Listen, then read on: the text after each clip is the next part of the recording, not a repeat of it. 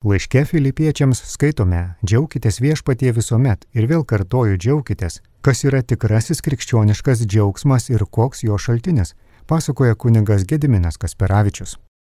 Garbėjai Jėzui Kristui, Marijos radio klausytojai, šis laikotarpis, kuomet ir bažnyčia, ir, ir Lietuva, ir visas pasaulis išgyvena suspaudimą, šis laikotarpis galima priimti jį kaip tam tikrą išbandymą, apskritai žmogaus išbandymą, žmogaus ištyrimą. Ir šiandienos katechezės tema kalbėsime apie džiaugsmą. Ir labai labai aktualu, kuomet artėja tos labai svarbios kiekvienam krikščionių šventės, kuomet atrodydavo įprasta, ar ne vakare keliauti bernelių mišes, ryte dalintis dovanomis, švenčių dienom lankyti artimuosius, neišiai šiais metais šito padaryti. Ir tas džiaugsmas toks tikrai mūsų labai yra bandomas ir tyriamas. Kas iš tikrųjų mūsų gyvenime teikia tą tikrą amžiną džiaugsmą? Kas teikia tą nejudinamą ir neatimamą džiaugsmą? Labai suprantama, kad žmonės dažnai kabinasi į tai, kas yra apčiuopiama. Tai, kas yra sava, tai, kas yra artima žmogaus kūnui. Vaikai galvoja didžiausias džiaugsmas - dovano, žaislai, atostogos, suaugę.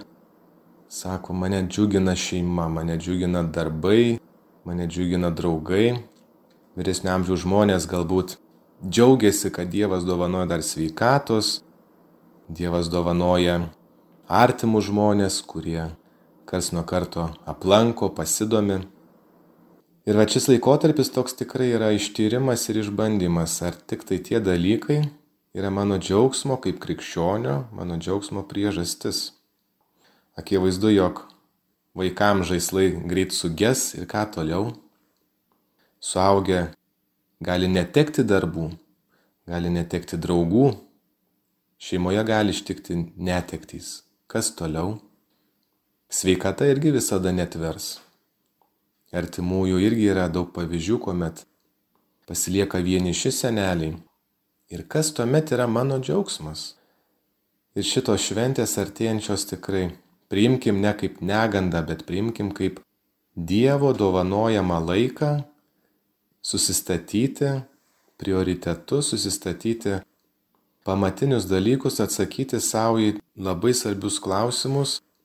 Ir vienas iš jų, kas iš tikrųjų mano gyvenime teikia nelaikiną, o netimamą, nepajudinamą džiaugsmą.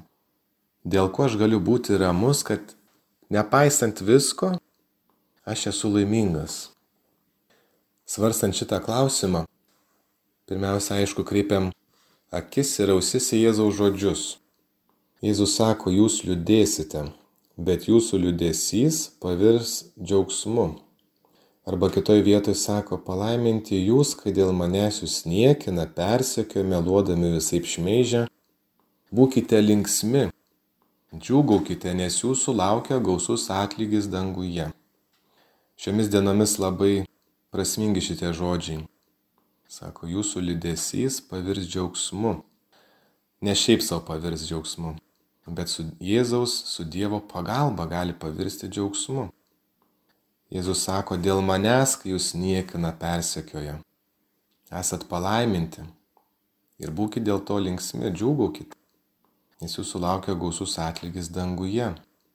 Taigi Jėzus sako, aš esu tas pagrindas, ta trama, tas kertinis akmuo, nejudinamas tavo džiaugsmo. Ir ant šito statosi visi kiti mūsų džiaugsmai. Gali atrodyti, jog Jėzus bando įspėti mokinius, kad brangieji visuomet, visuomet šalia džiaugsmo yra antra medalio pusė. Yra liūdėsys. Tačiau Dievas yra tas, kuris atverčia tą medalio pusę iš liūdėsio į džiaugsmą. Dievas yra tas, kuris perkeičia liūdėsi į tikrą netimamą džiaugsmą. Ir liūdėsys tuomet tarytum tikrai tampa palaiminimu, nes tai tampa vieta Dievui pasireikšti. tampa vieta stebuklingam Dievo veikimui, tampa medžiaga, iš kurios Dievas gali lipdyti džiaugsmą, tampa terpė, kurioje gimsta džiaugsmas. Liudesys atneštas pas Dievą, į Dievo rankas tarytum yra tas pačioje pačioje kūrinijos pradžioje buvęs chaosas. Ir jeigu Dievui atiduodam šitą chaosą, Dievas iš jo sukuria ką? Harmoningą tvarką. Ir tai, kas galiausiai pačio Dievo yra įvardinama kaip labai gera.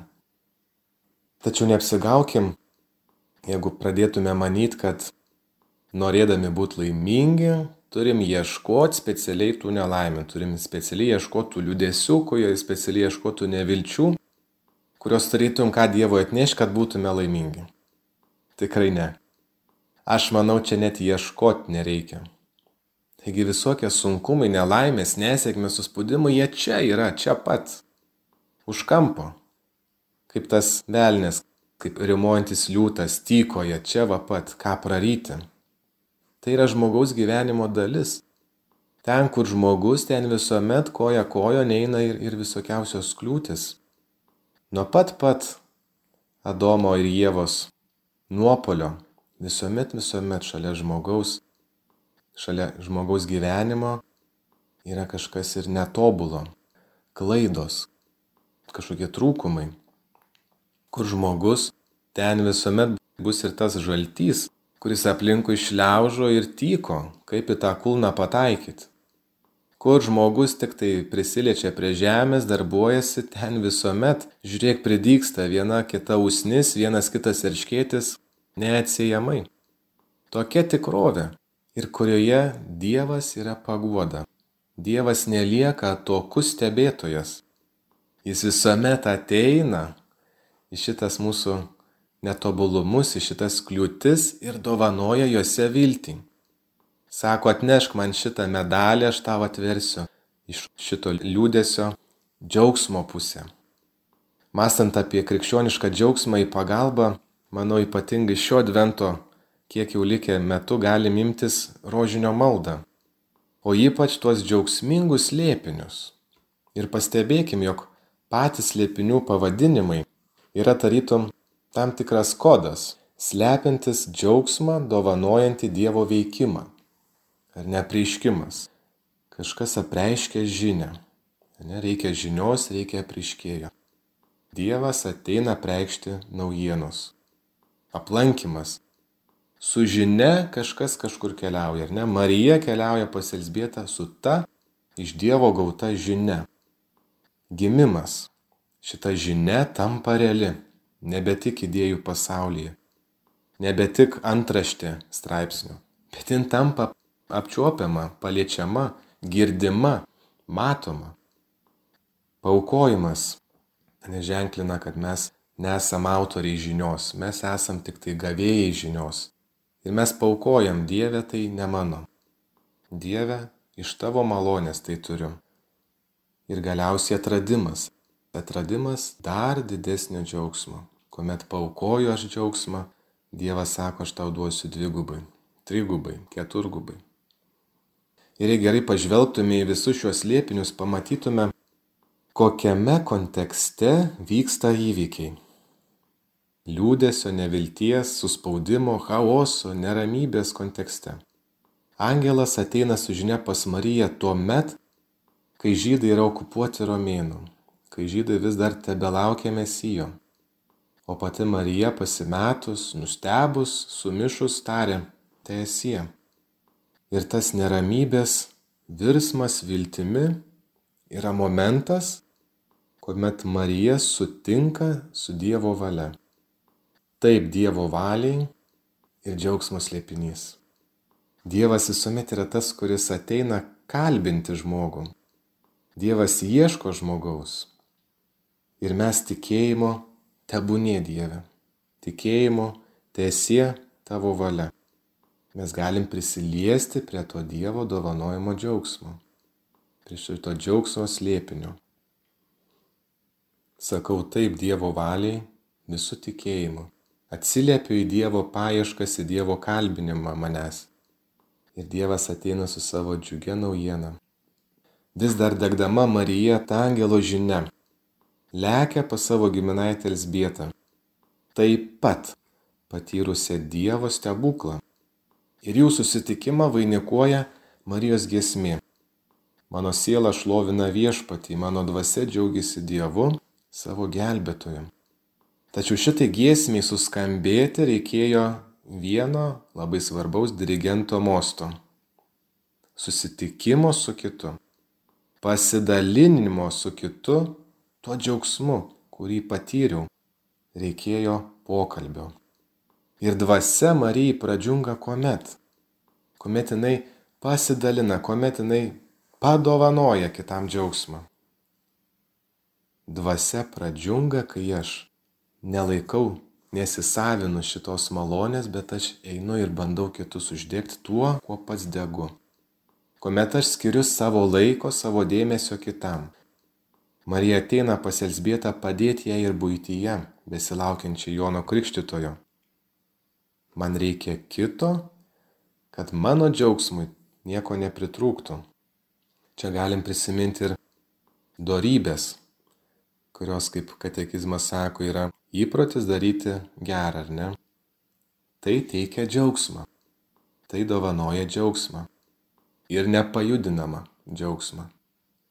Be abejo, džiaugsmo šaltinis yra pats Dievas, kuriam gimus žmogumi angelų choras traukia giesmės, teikia šlovę trimitais. Tačiau pažiūrėkim, kokiam kontekste gimsta Jėzus, kokiomis aplinkybėmis gimsta pats džiaugsmas iš didžiosios raidės tvartelėje. Neturi vietos užygoj, sunkios ilgos kelionės metu. Ir norint prisilies prie šito džiaugsmą teikiančio slėpinio, visgi reikia nestieptis, nedidėti, nepūstis, bet priešingai prieš Dievą mažėti, pasilenkti prie Dievo kad džiuginantis savo įsikūnymų Dievas galėtų rasti vietos mano širdyje, mano širdies šitam tvartelyje. Nusižeminimas yra kelias iki nusižeminusio Dievo. Ir koks paradoksas, kad aš pasiekčiau didį džiaugsmą, aš turiu sumažėti, aš turiu atsisakyti. Ketvirtasis džiaugsmingasis liepinys tai mums ir primena. Marija su džiaugsmu neša kūdikį Jėzų į šventyklą jį pavesti Dievui. Simeonas džiugojo, Marija gauna tokią nekokią pranašystę. Sako, tavo siela pervers kalavijas. Va šitas nusižeminimas. Džiaugsmą lydi ne tik kažko, kai trūksta, kai suspaudimas yra ar, ar netobulumas kažkoks, bet ir kai reikia atsisakyti noro savintis, kuomet reikia nusigręžti nuo savęs ir atsigręžti Dievą. Pasitikėti. Ir tas kainuoja. Tas kainuoja kalavijo dūrį. Aš ateinu pas Dievą, nusižeminęs, sakau Dieve, viską, ką turiu, ne mano. Viskas yra tavo. Ką turi, ko nebūtum gavęs. Jėzus vėliau sakys apaštalam, dovanai gavot, dovanai ir duokit. Nesisavinkit. Viską, ką esam gavę, viską esam gavę iš Dievo malonės. Svarbiausia, kad už viską mokėtume dėkoti. Šitas dėkingumas ir padeda atrasti patį džiaugsmą. Dėkodamas aš suprantu, kad to dalyko, kurį gaunu autorius, esu ne aš. Kad tai, ką aš gaunu, yra iš kažkieno kito malonės, iš kažkieno kito rūpešio, apie mane pagalvojimo, iš kito meilės. Ir aš kai dėkoju, aš priimu ir suprantu, kad aš esu priėmėjas, o tas kitas yra kūrėjas. Meilė taip pat teikia šitą džiaugsmą. Meilėje taip pat nesieki savintis, bet sieki atiduoti. Ir per šitą dėkojimą, kuomet atidavęs savęs ar negauni padėką, tu atrandi arba kai gauni ir padėkoji atrandi šitą džiaugsmą. Nepajudinamą, kuris yra čia širdyje, giliai giliai. Ir paskutinysis džiaugsmo slėpinys mums ir primena šitą atradimo džiaugsmą. Trys dienos panikos, baimės, nežinios, pametus kabutėse Jėzų. Tarytum trys dienos Jėzaus mirties, trys dienos Dievo mirties, trys dienos džiaugsmo ir vilties netekimo, trys dienos labai labai didelio pasniko, kuris Velykų rytą dovanoja kelią į amžiną laimę, ramybę teikiančią tiesą ir nesibaigianti gyvenimą, Dievą reginti veidas į veidą. O regėti tą, kurį myli, teikia didžiausią džiaugsmą. Todėl šventasis Petras aukso žodis ir sako, meilė negali nematyti to, kurį myli. Todėl vat ir su psalmininku galim sakyti, Dieve, parodyk man savo veidą. Noriu kartu su tavim džiaugtis ir džiaugtis ne laikinais, bet amžinais, nepajudinamais dalykais. Popiežius Pranciškus apaštališkame paraginime Evangelijai Gaudium labai gražiai pastebi, jog mūsų krikščionių gyvenimas labai dažnai primena gavėnę, kuri taip ir nesibaigia. Be Velykų. Sudėtingose situacijose tampam abejingais, nedėkingais, drungnais, vangiais, gal net pykstantis ant Dievo, kaltinantis Dievą prarandam Velykų rytą mums dovanotą viltį ir tikrumą, jog nepaisant visko, taigi esam be galo mylimi. Ir Dievo meilė mums parodyta įvairiausiamis formomis, o tobuliausiai matom Jėzaus aukojant kryžiaus. Teikia džiugę viltį, jog Dievas visuomet, visuomet yra už mus, iki mirties, iki tapimo duona ir vyno. Todėl apaštalas Paulius drąsiai sako, jog tam, kuris myli Dievą, viskas išeina į gerą. Tam, kuris myli Dievą, viskas išeina į gerą. Pagrindinis krikščionio džiaugsmo varikliukas - Dievo meilė. Jėzus sako, aš jums tai kalbėjau, kad jumise būtų manasis džiaugsmas ir kad jūsų džiaugsmui nieko netrūktų. Apie ką Jėzus kalbėjo? Jisai kvietė tik pasilikti jame, pasilikti jame kaip šakelėms vynmedyje. Kvietė pasilikti jo meilėje, tokioje, kokią tėvas myli sūnų ir sūnus tėvą. Sako jisai, taigi nėra didesnės meilės kaip gyvybę už draugus atiduoti. Tad Jėzus ir įsako vienam kitą mylėti taip, kaip jis myli, jeigu norim, kad mūsų džiaugsmui nieko netrūktų o pritrūkti gali įvairiomis aplinkybėmis, įvairiais būdais. Galim pradėti nevertinti Dievo meilės.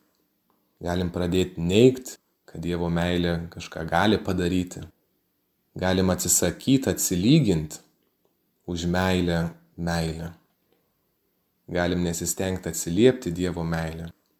Ir jau mes trūkstam, trūkstam to džiaugsmo. Galim pradėti tingėti, siekti iš Dievo ateinančio džiaugsmo, galim pradėti ir pykti ant Dievo, galim pradėti neikti jo gerumą. Dievas kiekvienam žmogui dovanoja tris dorybės - tikėjimą, viltį ir meilę, kurios yra neatsiejamos niekaip nuo krikščioniško džiaugsmo.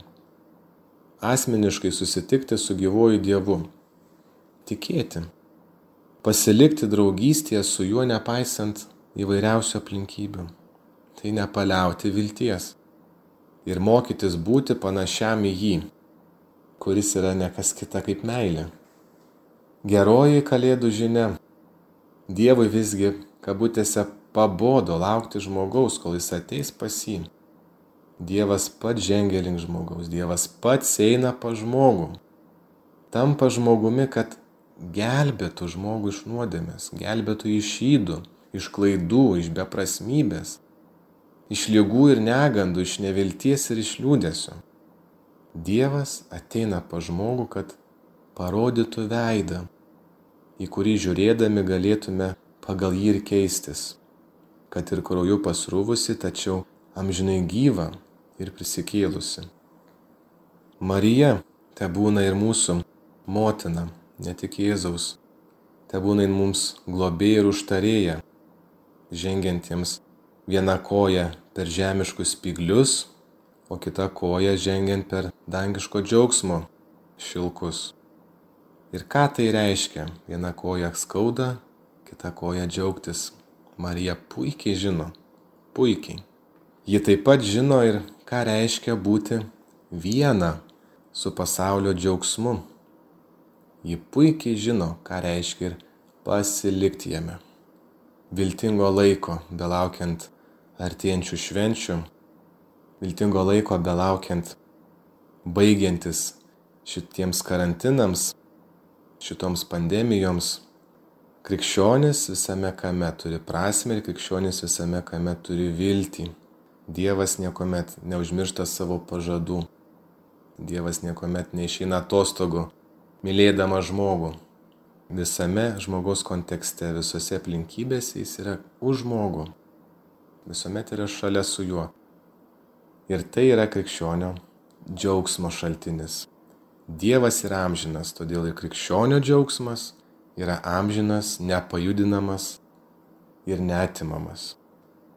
Su viltimi ir pasilikim jo džiaugsme. Kunigas Gediminas Kasperavičius kalbėjo apie tai, kas yra tikrasis krikščioniškas džiaugsmas ir koks jo šaltinis.